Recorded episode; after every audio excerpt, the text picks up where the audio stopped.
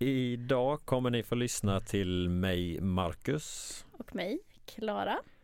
Och vår eminenta första gäst, Marielle. eh, skulle du vilja berätta lite kort om vem du är, Marielle? Ja, det kan jag göra. Eh, jag är 24 år fyllda. Just nu så håller jag på med min Instagram, Starka Tillsammans. Eh, jag ska börja praktisera Eh, men det är lite svårt nu i och med covid-19 liksom. Mm. Så det är lite så här, det har stagnerat lite igen mitt eh, liv så att säga. Men eh, gillar att träna också, gillar naturen. Eh, gillar människor. det var min presentation. mm. Ja vad härligt, härligt. Och dagens ämne är bemötande så vi hugger väl in på detta eh, aktuella och spännande ämne med en gång.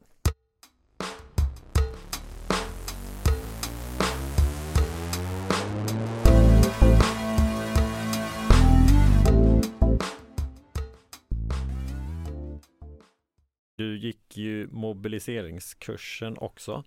Och det ja, var ju precis. där eh, jag och du eh, lärde känna varandra. Ja, jag blev väldigt, väldigt förvånad över den här mobiliseringskursen för att den förändrar så mycket, inte bara synen hos, för mig själv eller på mig själv utan typ till andra också. Speciellt om ni är socionomstudenter liksom. Eh, och ert bemötande. Att det var väldigt eh, chockande på något sätt liksom. På ett positivt sätt. Eh, mycket mer eh, ödmjukt än vad jag hade tänkt mig faktiskt. Mm. Så, ja. Vill ni berätta lite? Jag tänker, jag har ju inte varit med på mobiliseringskursen och säkert inte många av de som lyssnar heller. Jag tänker, vad, vad var det som var chockande? Alltså jag tyckte väl mest det var det här att jag hade så mycket fördomar om socionomstudenter eh, och att de var väldigt privilegierade människor. Eh, och mycket det här att jag tänkte, nej men de kan inte ha gått igenom psykisk ohälsa. Mm. Eh, väldigt så här ensidig syn.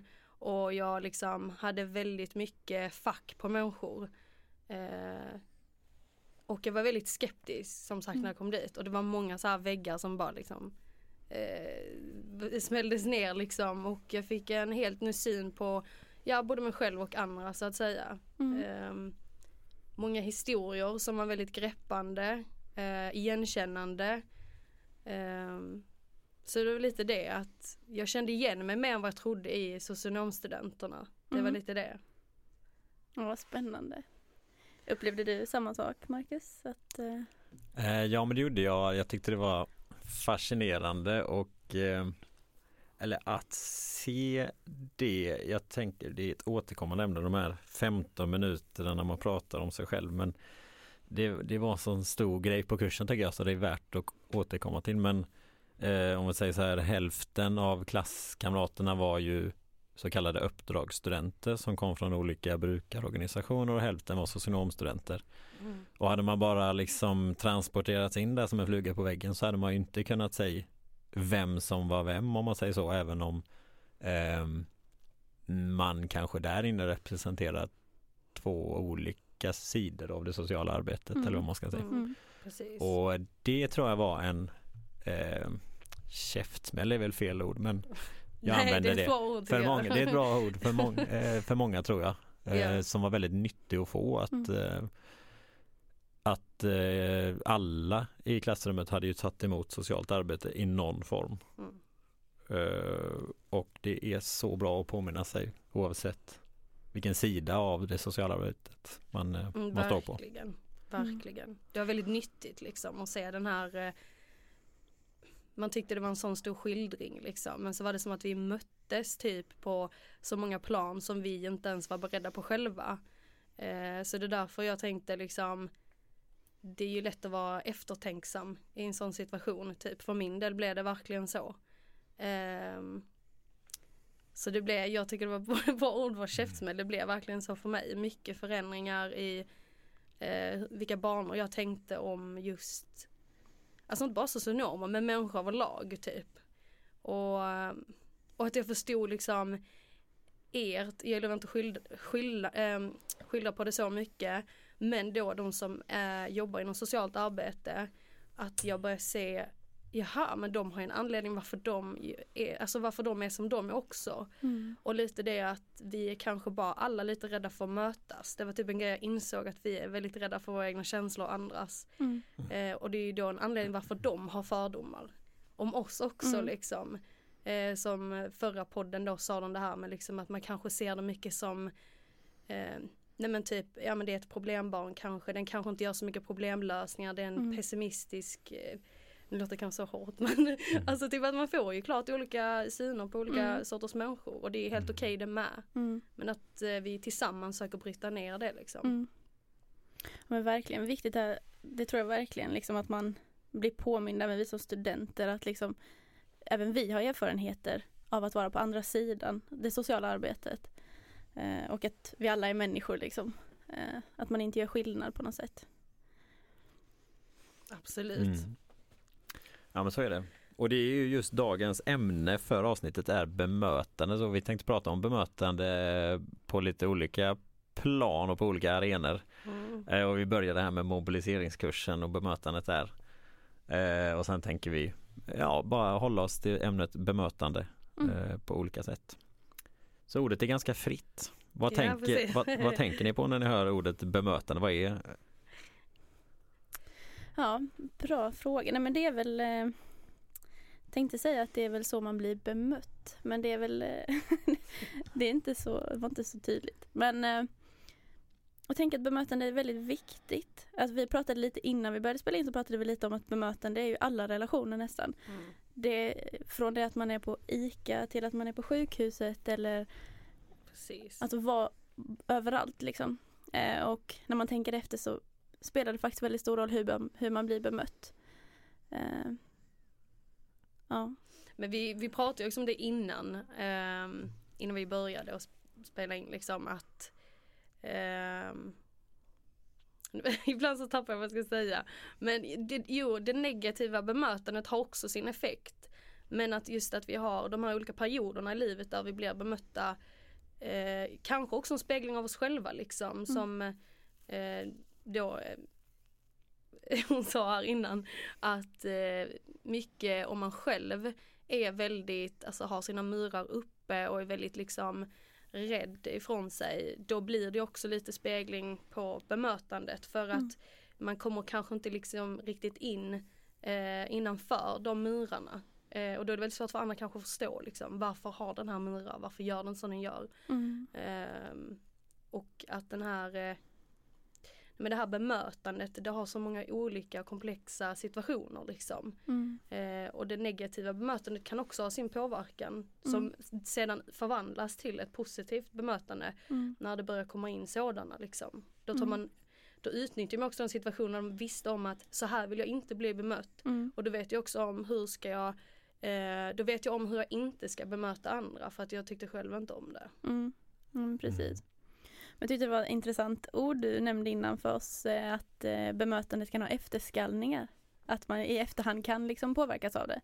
Ehm, och hur skulle du beskriva det? Eller? Jag tänker på det, det Alltså, precis. Ja, det var det precis- Marcus sa också det. Alltså det är väl typ bara att man man börjar göra liksom en efteranalys av Mm. olika situationer och hur man agerade och hur andra agerade och man, man sätter liksom det blir en ny eh, twist på det hela skulle jag Mm. säga. Och ibland när man är i vissa situationer så kan man kanske inte bemöta på ett sätt som man också önskar. Det är också något Mm. att diskutera. Att ibland Mm. önskar man att man kunde bemöta människor på ett sätt men man har inte kapaciteten till det heller på grund av de murar man har uppe. Mm. På grund av gamla erfarenheter för att man vågar inte släppa in någon. Mm. Eh, och, och sen om man då vill bemöta och bemöter jättevänligt så kanske den andra individen inte är redo för det bemötandet. Så det är liksom det finns så mycket olika delar i bemötande som vi inte förstår. Och att vi kanske ska lära oss acceptera mer den här att det är mer fritt så att man inte blir så besviken på andras bemötande än sitt eget. För att vi kan inte alltid Så att acceptera sig själv och andra är väl typ det jag kom till insikt med är det Mm. viktiga liksom. Mm. Mm. Ja men det är en bra tanke. Jag tänker att eh, samma bemötande i två olika skeden av livet kan ge två helt olika effekter tänker jag. Eh, så det är, det är såklart svårt att avgöra vad ett gott bemötande är för det är så himla situationsbundet om man säger Mm. så. Mm. Och man vet aldrig hur det landar hos den andra människan. Ja. Ehm, eh, så jag tänker att jag blir, mött, blir bemött på det här sättet när jag är uh, ledsen och på det här sättet när jag är glad. Och det, man måste ju justera det klart. Eh, men finns det något liksom eh, någonting som är eh, genomgående för alla typer av samtal? Något som liksom alltid fungerar? Finns det någon sån krydda man kan lägga till i ett bemötande? Det var ju bra, det var en bra tankeställare där Mm. alltså. Mm. Liksom om man sitter och Något man kan utgå ge från mycket. ett gott bemötande. Har du någon tanke om det Mariella? Att liksom, är de bemötanden du har eh, stött på. Är det något, någon röd tråd? Gud jag är långt ifrån en röd tråd så jag tror det är Mm. liksom Jag tror bara det är att man lär, alltså när man inte kan, för jag är alltid så här, jag vill alltid bemöta ännu bättre än vad jag gjort. Det är också kanske för att jag är som, som jag är liksom. Men jag kan alltid tänka efter liksom, fan jag skulle inte varit så. Men det är också en grej att träna på att man bara får släppa det. För vi alla har olika liksom begränsningar till vad vi klarar av i vissa situationer. Så det är mer det jag tror att det måste vara att man inte är så hård mot sig själv och hård mot andra. Mm. Eh, sen är det ju svårt att säga till en person som har psykisk ohälsa som du då, om man mer går in på det, vad är ett liksom bra basic sätt att bemöta? Det finns ju alltid mer sociala normer som kanske funkar bättre. Absolut. Eh, och då går man väl mer in på liksom som är socialt accepterande och så. Mm. Eh, så ja. Det jag kan bolla tillbaka den till den som Mm. är villig till att, jag vet inte Ja, men det är en svår fråga Eller för det, det är som Marcus säger lite att man vet inte heller hur det blir mottaget, ens bemötande. Men eh, Mm. någonting som funkar i alla lägen. Eh, Det är att knäcka en livskod kanske. mm, Men jag Ja. tänker Jag tänker att en närvaro i alla fall Mm. kan vara en nyckel till att till ett gott bemötande. Mm. Att man är närvarande och, och lyssnar mm, och liksom Absolut. svarar an på det som sägs och inte liksom eh, har bestämt sig innan utan man verkligen lyssnar och eh, liksom tar in det den andra människan säger så har man nog kommit långt tänker jag. Mm. ja, det ligger nog väldigt mycket i det du säger faktiskt. Det tror jag. Mm, Mm. jag, vet, jag kommer att tänka på ett exempel jag själv varit, eh, varit med om. Eh, Mm. Det var, jag, under några gånger så gick jag till en psykolog eh, och överlag så var det ett ganska gott bemötande jag fick. Men eh, jag, det jag minns mest av de fem gångerna jag var där kanske det är att eh, den här psykologens mo- mobil började ringa tre gånger tror jag under en och samma eh, liksom, session eller vad man ska säga. Och hon kändes väldigt ointresserad, det kändes som att det var något på mobilen som lockade henne mer än mig. Och Mm. det är ju mitt starkaste minne av de här Mm. sessionerna, även om jag har mycket och gott att ta med mig av, av dem så är det kanske det det starkaste Mm. minnet. Och det är den icke-närvaron hänvisar Mm. upp, den, eh, den satte sig lite i, i mig eh, som ett minne. Men- Ehm, Mm. Mm. Och det är ju Mm. också lite så när det är också vissa auktoriteter så har de ju Mm. också en mer, alltså skyldighet kanske till att visa mer närvaro just när det kanske handlar om det här socialt bemötande i och med att det är bara det fokuset har när du går till en psykolog eller Mm. en socionom. Det låter ju kanske lite så hårt kanske men det är ju lite så det är att där är det ju där man ska finna sin trygghet och att bli förstådd Mm. ännu mer än på en annan plats. Ja. Liksom. Så då känner man ju sig liksom inte sedd kanske Nej. där man mest hade behövt det liksom. Så det är viktigt i sådana möten. Mm. Så att det blir också ett litet ansvar. Det kan också vara lite jobbigt för människor som har eh, jobbar med alltså socialt arbete för att det blir ju ett mer ansvar Mm. med eh, för eh, mänskligheten så att säga. Heavy. Men det är ju lite sant att Mm. man känner det också. Jag själv har jobbat inom vården väldigt mycket och där är det också väldigt mycket bemötande. Eh, och då känner man ju såklart att man har en viss skyldighet Mm. till att ha en Alltså Ett bra eh, kommunikationssystem Mm. och lite så här med Hur man uttrycker sig, det är typ Mm. jätteviktigt. Så att eh, Ja, men jag tänker lite på um, Alltså det, som du pratar om närvaro, det blir ju en stor del av vårt kommande yrke. Och under praktiken så tänkte jag jättemycket på det när jag var på ett sjukhus som kurator. Och i början där så var jag väldigt nervös liksom inför samtal och så vidare och då jag var ju inte riktigt närvarande kan jag känna i efterhand för att jag var ju väldigt upptagen med att tänka på vad jag skulle säga härnäst och vilka frågor jag skulle ställa och så vidare. Och, och det påverkar ju såklart samtalet och bemötandet och utgången av det liksom. Eh, som du säger, lite det här ansvaret du pratar om. mm, Det- mm. Eh, man bär ju lite det så att säga. Ja. Ja men det blir ju lite så. Jag kan ju verkligen känna att jag har jätte, haft jättemycket problem med det. Speciellt om man har ångest och sånt. Så det är lite så man kan få. Det är därför jag menar det kanske blir lättare då för individer som har ångestproblematik att få ett efterskalv. För att Mm. under tiden när man ska vara närvarande så är man inte riktigt närvarande för att man då har mycket problem med då ångest och ja, alltså oro då. Eh, så då måste man ju sitta själv sen kanske gå igenom vissa situationer vilket är väldigt dumt. För att då har du, missar du hela den tiden som du ska leva den gången också. Så att Mm. det är verkligen som du säger Max att närvaro är ju typ A och O i livet och försöka vara närvarande. Mm. För då kan du också ta in i kunskap på Alltså på ett så mycket bredare sätt och vara eh, här och nu liksom. Mm. Så det är jätteviktigt verkligen. Och du får också ett bättre bemötande ju liksom. Mm. Mm. Ja det är en balans som du säger Klara att eh, vara närvarande i, om man säger, i ett jobbsammanhang så. Mm. Det är ju jätteviktigt men det är också en balans så att man inte sliter ut sig och det är ju en, en balans jag tänker att man får hitta själv på något sätt att man eh, ger och lyssnar men ändå eh, inte bränner ut sig själv för det finns ju alltid en risk när man ska kanske lyssna en hel dag på tunga historier. Mm. Ja men verkligen. Men Hur parerar man det då liksom? Hur skulle du, för om man då skulle vara Alltså klart, jag tror ändå full närvaro är det absolut bästa vilket som. Eh, men samtidigt så är det vissa, som du säger Marcus då, man ska lyssna på massa tragiska historier. Eh, alltså då Let's Be Real så är det ju tungt för den individen som ska ta in all den Mm. informationen och ta all den sorgen också. Så det är också, ja, balans verkligen ju. Det blir ju så. Mm. Som du sa Marcus.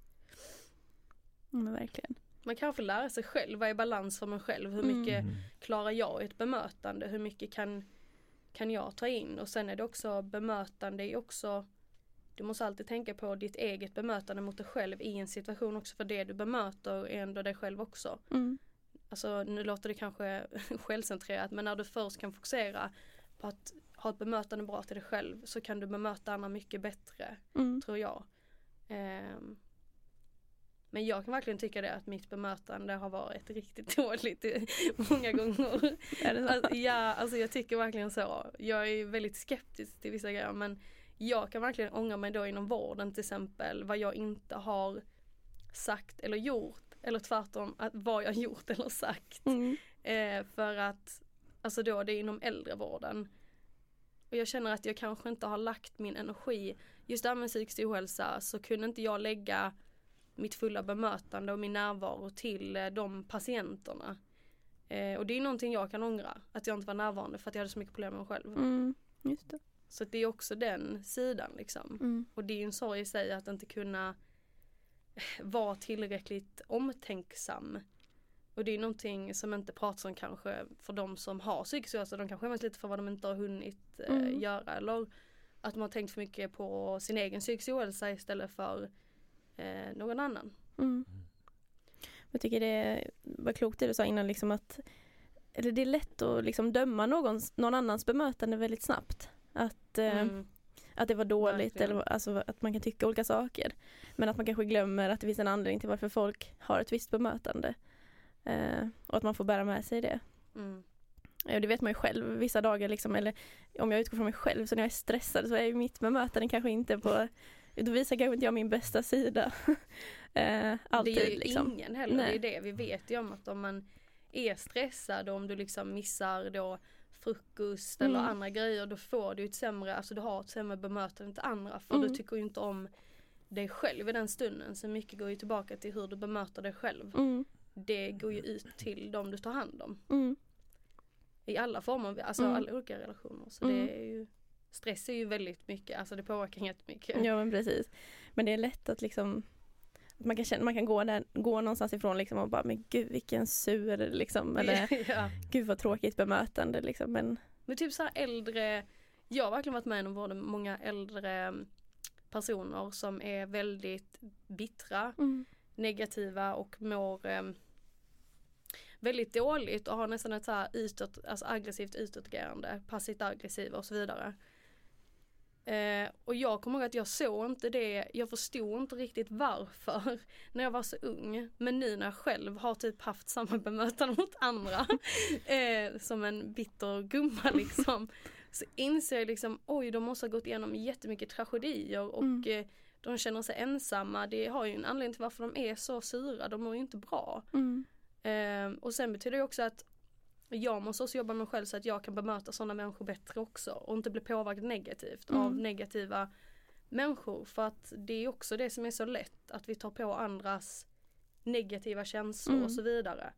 Eh, så bemötande är egentligen A och O för, för lärdom och allting och Mm. eh, Nej men det handlar mycket om hur tycker du om dig själv. Det är kanske därför du inte bemöter människor så bra. mm, Och då kan man förstå andra människor, alltså i alla åldrar såklart, men främst det här med när man jobbar inom ja, olika kategorier då, och som jag gjorde med äldrevården, så Mm. förstod jag inte dem riktigt liksom. nej, Ehm, och sen kan vi vända på det då istället tycka synd, men inte som en offerkofta, men att man ändå tycker synd att Gud vad synd att du mår så dåligt, alltså att du inte Mm. mår bra.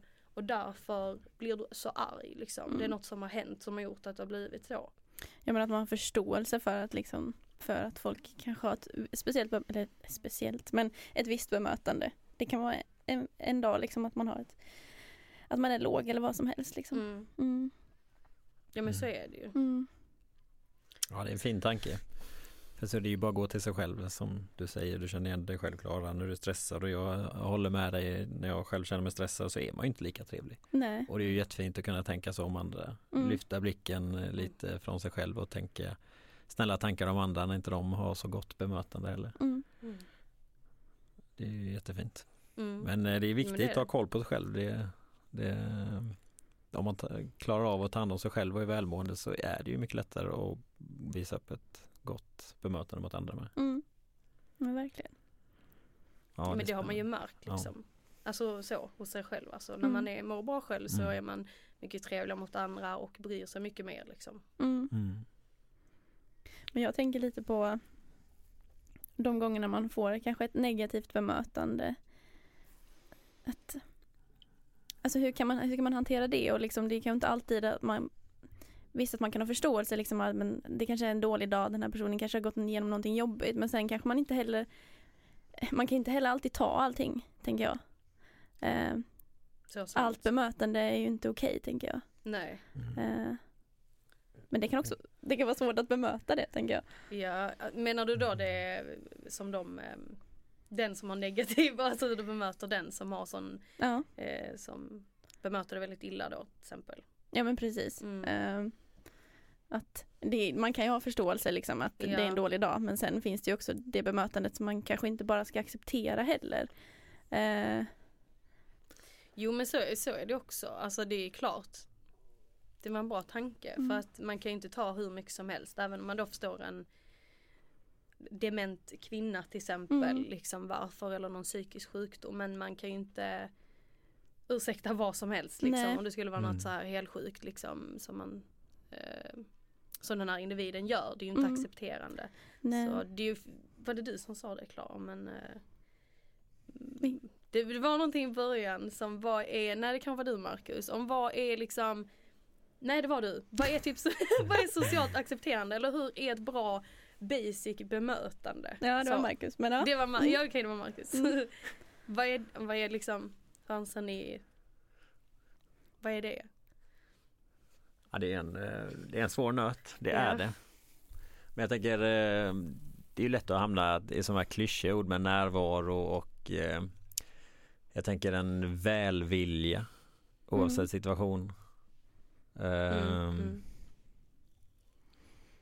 Så man kommer från, alltså det kommer från en god plats liksom. Vad som Mm. en som kan verka tas ut liksom i form, alltså eller form, oh my god. Ibland är det sånt ord. Men ja, men att det, man förstår att det egentligen är för all välmening. Det är Mm. liksom Mm. inte från ja, ondskan själv eller vad man ska Mm. säga. Ehm, men det är också lite, okej nu blir det lite överdrivet så här som att man men det finns ju ändå så här normativt tycker jag ändå. Det låter väldigt tråkigt men det är ju ändå ett väldigt bra ord för alltså social ehm, vad brukar man kalla det ni som har mer så här fin, fina ord från eh, bemötande som är, jag tänker på ett så här socialt accepterat. Ja, eller, socialt accepterat ja. Mm.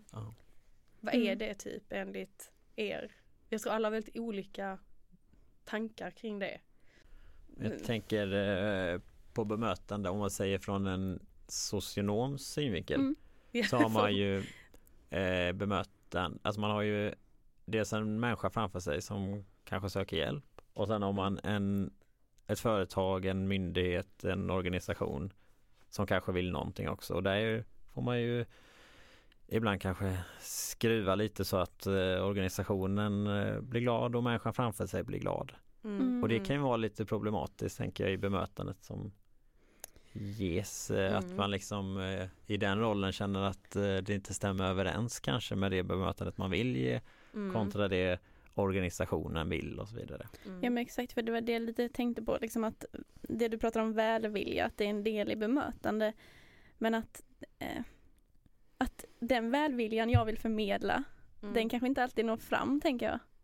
Att som du säger det kanske inte går hand i hand med organisationen eh, eller, och kanske klienten eller brukarens behov. Eh, jag vet inte om det går, om jag framför vad jag vill säga här men att att intentionen är ju att, att jag vill, liksom vill få fram min välvilja Mm. men att den kanske inte alltid når fram. Att den kan inte mottas, det kan inte mottas som en välvilja. Precis. Att vi, förstår ni vad jag menar? ja. Ja, Men det är så komplext. Alltså det här Mm. det är väldigt ändå fint på något sätt att kunna diskutera det så. För att det finns så himla många sidor utav det.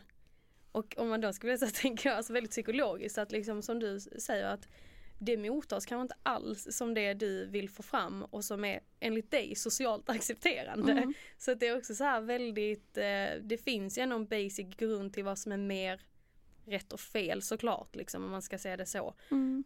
Men eh, jag vet inte, jag har väldigt så här fått en annan syn på det här hela med det, det här eh, sociala, alltså kommunikation för att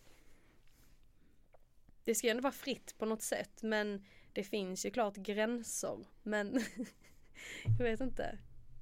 För ibland, jag tror det är dynamiken som ska bara vara eh, sammansmält. Att det ska bli, alltså när man är i, i socialt umgänge Fan diffust det kan låta men jag menar typ bara så här att man känner in ändå lite men samtidigt så har man sin egen integritet, sin egen vilja, Mm välvilja då liksom men att man försöker känna in, det är också något som är socialt accepterat, försöker känna in vad är det som händer i rummet och vara närvarande. Det är ju mer alltså sånt kanske som är ett bra bemötande. Sen att man då lägger in den här twisten att man ändå ska vara lite som man själv, autentiska jaget så skulle jag Mm. nog mer, alltså det är nog mer ett mål som jag ser att jag vill dit för att kunna ha ge glädje till andra men samtidigt glädje till mig själv och ändå vara socialt accepterande typ. Mm. Nu låter det som en sån här dream men det är vad jag typ ser. Förstår ni vad jag menar? ja men det är, det är en eh, härlig tanke tycker jag. Mm. Autenticiteten är ju eh, också A och O tycker jag. Ja. Mm. Det kan man ju se igenom i, i olika roller till exempel en, en servitör se- eller servitris eller så som man känner att eh, det är något spel bakom eller så Mm, eller mm. det spelar ingen roll det finns ju många yrkesgrupper det kan ju vara på ICA eller bara en människa på Mm. stan man kan ju ibland får den här känslan av att det känns spelat och det är ju Mm. inte någon skön känsla tycker jag. Nej. Precis. Så autenticiteten tror jag man kan ta med sig i alla sammanhang. Mm. Ja, det var, fan, det Man var är bra tanke är. där ja. Ja men verkligen. Det, var Det tänkte inte jag alls när vi tänkte på bemötande men det är ju de, nästan som du menar som människor som då har masker liksom och Mm. inte är sig själva. Mm. Nej visst. Och som man kan se eh, så här då. Mm, Oj nu knackar jag mina fingrar. det går bra. så man kan se under. ja, Mm. ja men Mm. precis. Shit och det, det var häftigt de där alltså. maskerna som du pratar om, de, de har vi kanske alla men i olika Jo. grad i olika sammanhang. Och det är mm, när de blir, när masken blir för stor kanske det är då det Mm. inte känns autentiskt. Precis. Men det är många som har masker tänker jag. Ja, jo, Väl, jo. Eller så här, det måste ju också finnas tillfällen där man måste ha lite någon mask liksom. Vi kan inte vara helt sårbara och helt bara. Eller vi Nej. kan säkert men det krävs mycket förändring och mycket acceptans hos sig själv och andra Mm. för att kunna vara så ehm, rå i den Mm. man är. Mm. Men eh, det är nog många, alltså när man var tonåring och sånt kommer jag ihåg att masker var så här verkligen jättevanligt. Mm. Mm. Eh, så det är ju, Men jag tror inte det är ovanligt heller, alltså i, om man tänker i en arbetssituation att man att den här masken tillhör liksom en roll eller vad man ska säga. mm, Mm. Eh, att man kanske inte är den man är hemma, mm. som man är på jobbet. Nej men Nej. en professionell eh, sida liksom Mm. måste man ju klart ha. Så Mm. man måste ju ha Måste, men man behöver ju ibland ha masker så att säga. Mm. Ja, det känns som det kan vara en gynnande grej många gånger med för att orka Mm. med, tänker Mm. jag. Så kanske man inte orkar, mm, då får man dra på lite en mask då och då. Mm. Mm. Tänker eh, den morgontrötta människan som kommer till jobbet och får ett glatt god morgon, god morgon och kanske bara vill säga eh, håll snattran. Men man får ju spela spelet lite också, Ja. det ingår ju i det Jo. sociala spelet. Mm. Jo men Man det är får- klart. Jag tror det är det som blir det svåra med Alltså så här eh, social, alltså psykisk ohälsa för att jag tror det är som att man tar bort masken helt ibland när man har psykisk ohälsa. Mm.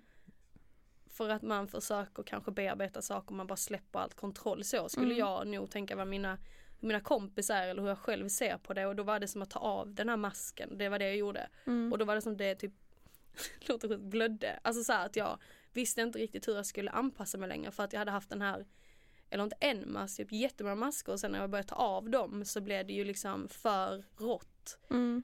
Och sen ska man lära sig kanske eh, välja när det är tillfälle att ha en mask och när det inte är det och liksom Mm. med sin partner kan man ju, ska man ju kunna vara mer eh, sig själv och så och äkta. Så att Mm. jag tror det är lite så här, det är också lite så bemötande där med och vilken, är jag en professionell roll nu då måste jag kanske vara så här, har jag den här titeln på mig då kanske jag måste ha den här titeln på mig. Mm. Men sen kan jag släppa masken typ. Mm.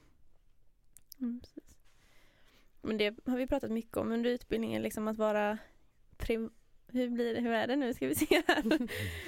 eh, privat, nej, man ska vara Mm. personlig men inte privat. Ja, Sa jag rätt precis. nu? Ja. Vad, vad är skillnaden där? Vad tycker ni? Det är ju det som är så svårt tänker jag. Mm. Eh, och det kanske är en, eh, en skiljelinje man själv får dra. Mm. Eh, men nej, Mm. Vad skulle du ja, säga, är Marcus, är svår, eh, Det kan vara en svår gräns att dra men jag tänker personligt kanske är sånt som att jag, jag bor i lägenhet och jag gillar att resa och jag tycker om att spring, springa i skogen medan det privata handlar om att kanske mitt eh, barn som inte finns nu eh, Mm, ja, är men sjuk precis. i mässling och mm. Oj, ja. eh, eh, Just mässling också så. Ja, jo, Ja, ett men det- exempel men eh, Mm. man får väl, jag, jag tänker att man får väl eh, man får känna det själv och sen får man också tänka efter om man är i en professionell roll om det är gynnande för det jobb man gör. Mm. Hjälper Mm. det den jag ska hjälpa att jag berättar att mitt barn som inte finns är sjukt. Eh, för det kan ju också vara ett sätt, om man är lite lite privat tänkare, kanske kan få människan man ska hjälpa att öppna upp sig också. Mm. Att man liksom Mm. visar att det inte bara du som ska fläka upp hela ditt liv här utan jag kan också göra det och så hjälps Mm. vi åt att eh, berätta din historia. Mm. Mm. Mm. Mm. Intressant. Men jag tror ändå liksom att den gränsen är olika för alla. Mm. Alltså man är olika Mm. öppen och Mm. eh, det du tycker är personligt kanske inte Men så det, Jag kanske hade varit mm. mer öppen eller det motsatta. Ja. Det finns inget rätt eller fel tänker jag. Nej, Eh, Det är individ, alltså det är kanske lite individanpassat också till den eh, personen som, Mm. som det handlar om och det gynnar den personen. Det är också Mm. väldigt bra sån eh, punkt i det hela. Mm. Så känna in är väl typ det som är som är väldigt bra Mm. I socialt arbete. Det är därför oftast de som har lätt för att läsa av andra människor och är empatiska har lättare eller är mer sökande till dessa jobben och eh, tycker det är intressant helt Mm. enkelt med människor. Så det är också bra att kunna där se, hmm, behövs kanske den här storyn lite om mig själv för att den här personnen Mm. ska öppna upp sig mer eller känna sig Mm. mer eh, bekväm och förstående i den här situationen. Ja men lite som Marcus Mm. sa och det ni pratade om innan liksom att man visar eh, den där mänskliga sidan liksom och Mm. kanske kan eh, gå emot de fördomarna som finns liksom att jag har att man visar en del av sig själv och att det kanske kan gynna också. Eh, Ja men absolut, det tror jag. Kan, man kan ju förstå den tanken att det inte känns så mänskligt att komma in på en, en myndighet till exempel. Man är lite rädd, man har inte varit där innan, man, man har problem eh, och då mötas av en helt eh, en vägg som man inte kan eh, liksom relatera till. Det, mm, det blir inte heller bra så det, man får ju kanske också vara lite privat eller personlig ibland Mm. för att liksom visa att här är jag, jag är människa. Mm. Jag kan Mm. hjälpa dig och inte liksom eh, bara vara den arbetande Mm. Nej, utan men också människan bakom. Så Så man inte bara ser en titel på Nej. individen för att det kan bli lite så här avskärmande och så. Mm. Mm. Mm. Men precis för man får lite förståelse liksom för att för den som kommer in och möter det sociala arbetet liksom att den personen förväntas ju dela med sig av både det ena och det andra kanske. Mm. Eh, och det vet ju bara vi tre här inne att man är väldigt olika i hur man, hur man väljer att dela med sig och hur öppen man är. Eh, men i mötet med det sociala arbetet tenderar man ju behöva att dela med sig oavsett liksom. Eh, I stora Mm. drag. Men jag tycker det är jättebra när de eh, delar med sig. Alltså, det är också lite så frågan om hur man själv känner att man kan bli vad säger det, privat med någon annan person. Eh, jag tycker mycket när jag har haft eh, socionomer, eh, speciellt den som verkligen öppnade mina ögon eh, var, eh, nu säger jag inga namn, eh, men alltså hon räddade liksom verkligen livet på mig för hon började prata om att hon hade en diagnos själv och är socionom och typ hade det jättetufft när hon gjorde det här när socionom, eh, gick i socionomprogrammet. Eh, jag tycker själv inte, jag anser inte det är problem om folk öppnar upp sig inom vården för att jag tycker nästan det blev en så här eh, mer förståelse för människor överhuvudtaget och att typ, det finns folk som har, är högutbildade eh, som har egna problem. Men sen är det också jättemycket fråga om individen själv för att som socionom, nu kan man fokusera mycket på socionom, men det är min stora erfarenhet av bemötande som patient liksom. Ehm, så tyckte jag att det var bättre men för någon annan så kanske det inte alls hade funkat och det gjorde så att jag kände att jag inte var ensam. Mm. Ehm, jag anser själv att det är bra att man pratar, alltså så här fläker ut sig till och med, kanske inte helt så men ju för mig eh, det är så jag är själv och det är så jag kan tycka om hos, eh, eller fläka ut. Okej, ta tillbaka det för det är som att någon skulle vara så här också jag är gravid så här börja prata helt jättepersonliga saker. Det är inte så jag menar men typ att man visar lite mer delar av sig själv för att jag Mm. är uppväxt med att man inte skulle göra det. Så att jag tror det är lite som du säger Marcus. Det är upp till personen själv Mm. och att den känner in.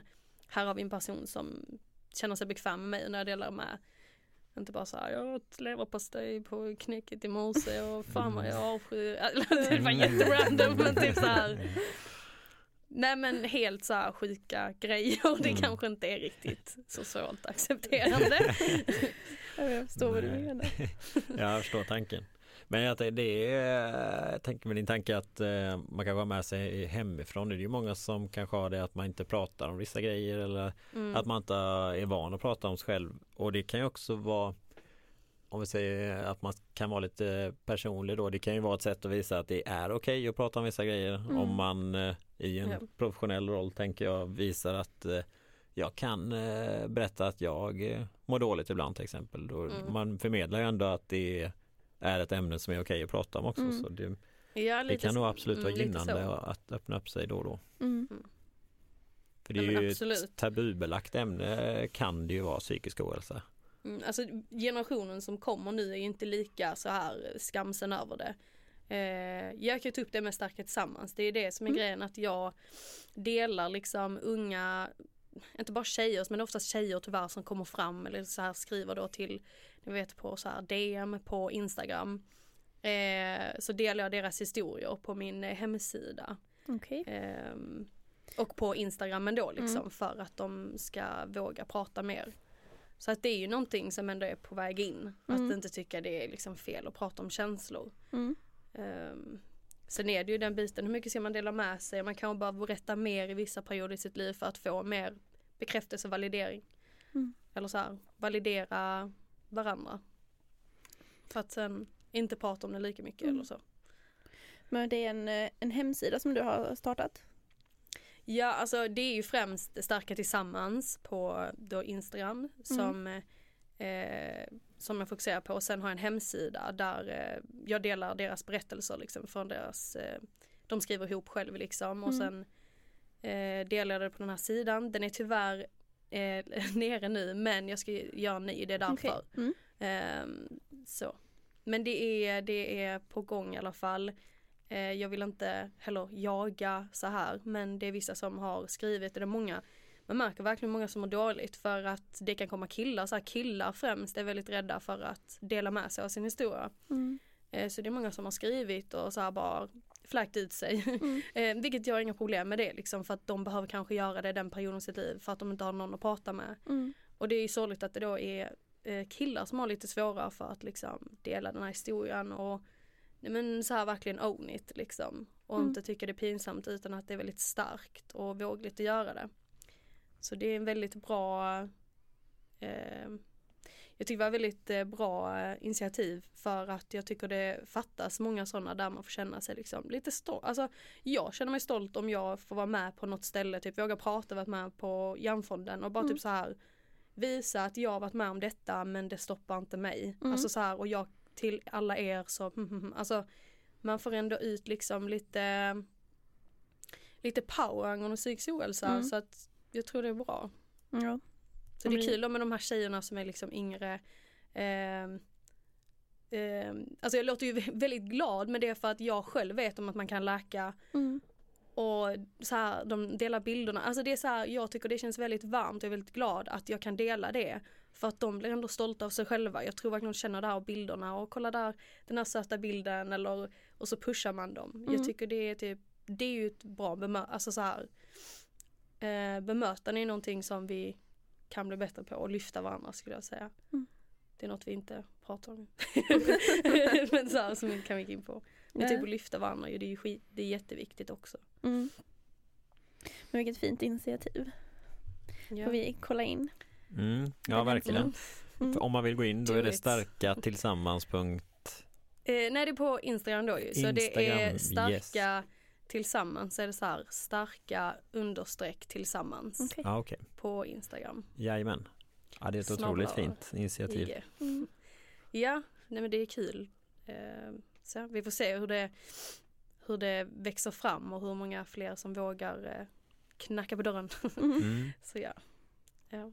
Nu låter jag väldigt så här glad över det men det är verkligen inte så det är för att, alltså så. Men jag vet om att det gör nytta liksom och att flickor, blir- oj, att Mm. flickorna blir väldigt eh, och sen killarna kanske också som vågar komma fram och blir, det är klart man blir glad när man har en Mm. fin bild och man redigerar och Ja. skriver lite fint till eh, varandra och peppar.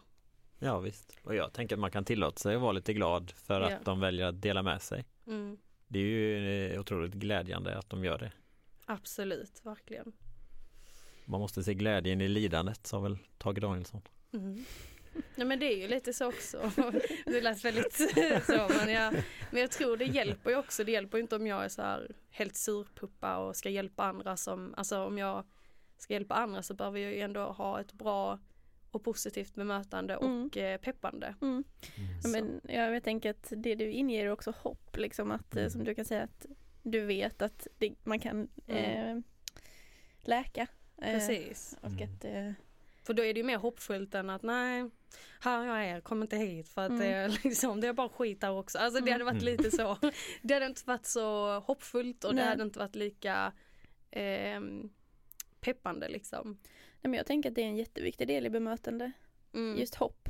Mm. Ehm, någon som tror på en och liksom Mm. Jag vill nästan bara säga krama om dem. Jag är verkligen sån här, ehm, vad ska man säga, egentligen är jag, egentligen om jag inte hade haft så, eh, alltså väldigt eldsjälig. Jag har alltid varit väldigt så här, älskar och liksom eh, hjälpa andra liksom och vad ska man säga, vill förändra liksom Mm. saker och vill liksom bara, jag vill krama dem och bara typ så här läka deras, alltså så här så för att jag vet om hur det känns att vara där liksom. mm, Mm.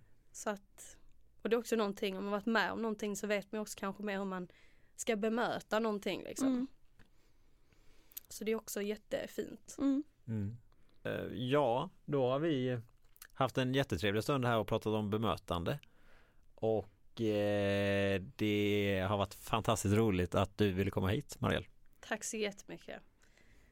Applåder? Nej eller Ja, jag vet inte, applåder. hjärtligt, eh, ett hjärtligt tack. Ja, trevligt, trevligt. eh, ja, tack för idag och tack för att ni har lyssnat. Eh, håll utkik på Instagram och Facebook. Facebook ja. Och eh, vi finns ju där poddar finns. Så det är bara in och lyssna. Yes, Kunskapsluckan. precis. Ha det gott. Ha det fint. Hej.